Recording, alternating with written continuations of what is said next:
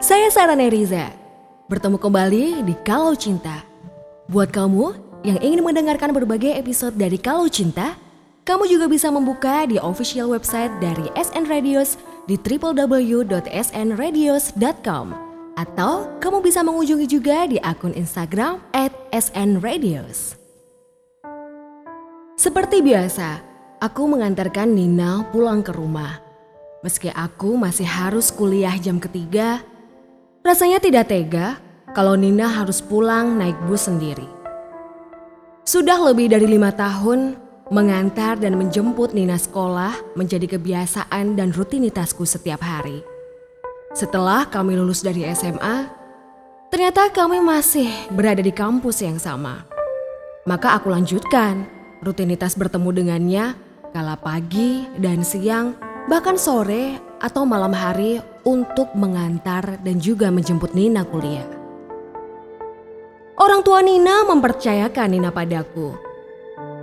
Meski kami seumuran, kami sebaya, aku memiliki rasa protektif yang berlebih pada Nina. Bukan hanya untuk urusan antar jemput kuliah saja, namun juga segala keperluan Nina. Jika memang aku bisa membantu, aku pasti siap membantu. Terkadang jika Nina memiliki masalah dan mengalami kesedihan, aku pun siap untuk diteleponnya berjam-jam. Atau membelikannya semangkuk es krim agar melihat senyumnya kembali. Itu sudah cukup membuatku bahagia. Nina adalah sosok perempuan periang dan baik hati. Kawannya sangat banyak, bahkan sejak dia di sekolah.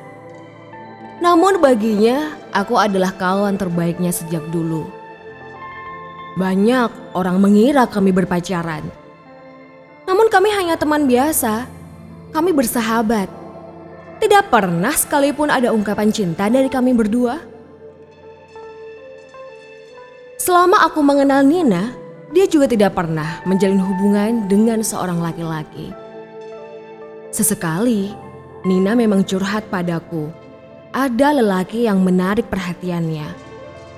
Namun, tidak ada yang benar-benar membuatnya jatuh cinta. Hah, begitulah. Mungkin saja dia sudah terlalu nyaman denganku. Desember 2017 adalah saat kami di wisuda bersama. Tunai sudah tanggung jawab kami sebagai mahasiswa selama empat tahun ini. Tidak menyangka waktu wisuda kami pun bisa bersamaan. Nina sempat bilang padaku bahwa dia akan merantau ke luar kota.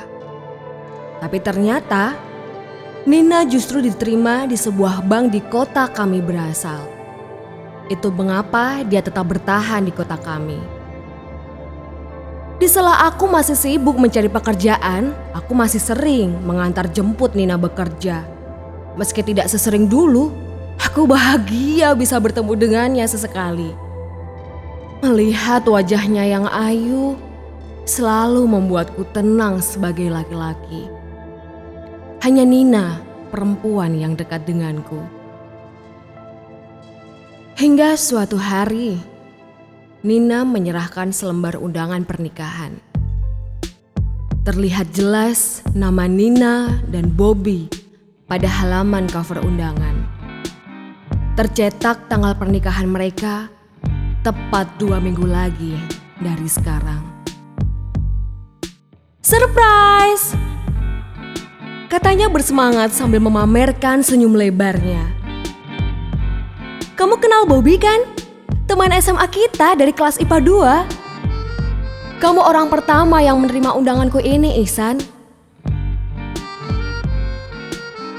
Dengan tangan bergetar, aku terima undangan itu.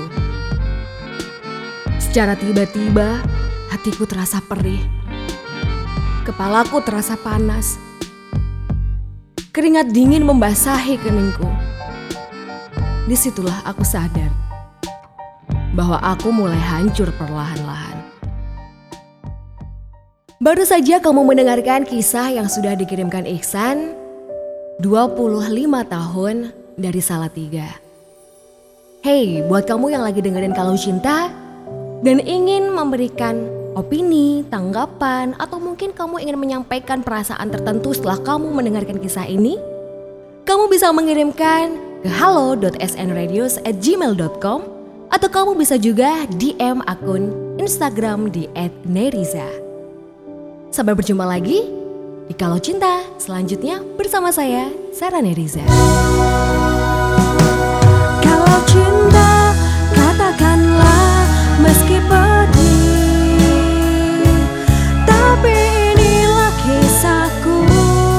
Kamu bisa mengirimkan kisah cintamu juga ke Kalau Cinta ke halo.snradios@gmail.com atau cari tahu info selengkapnya ke www.snradios.com.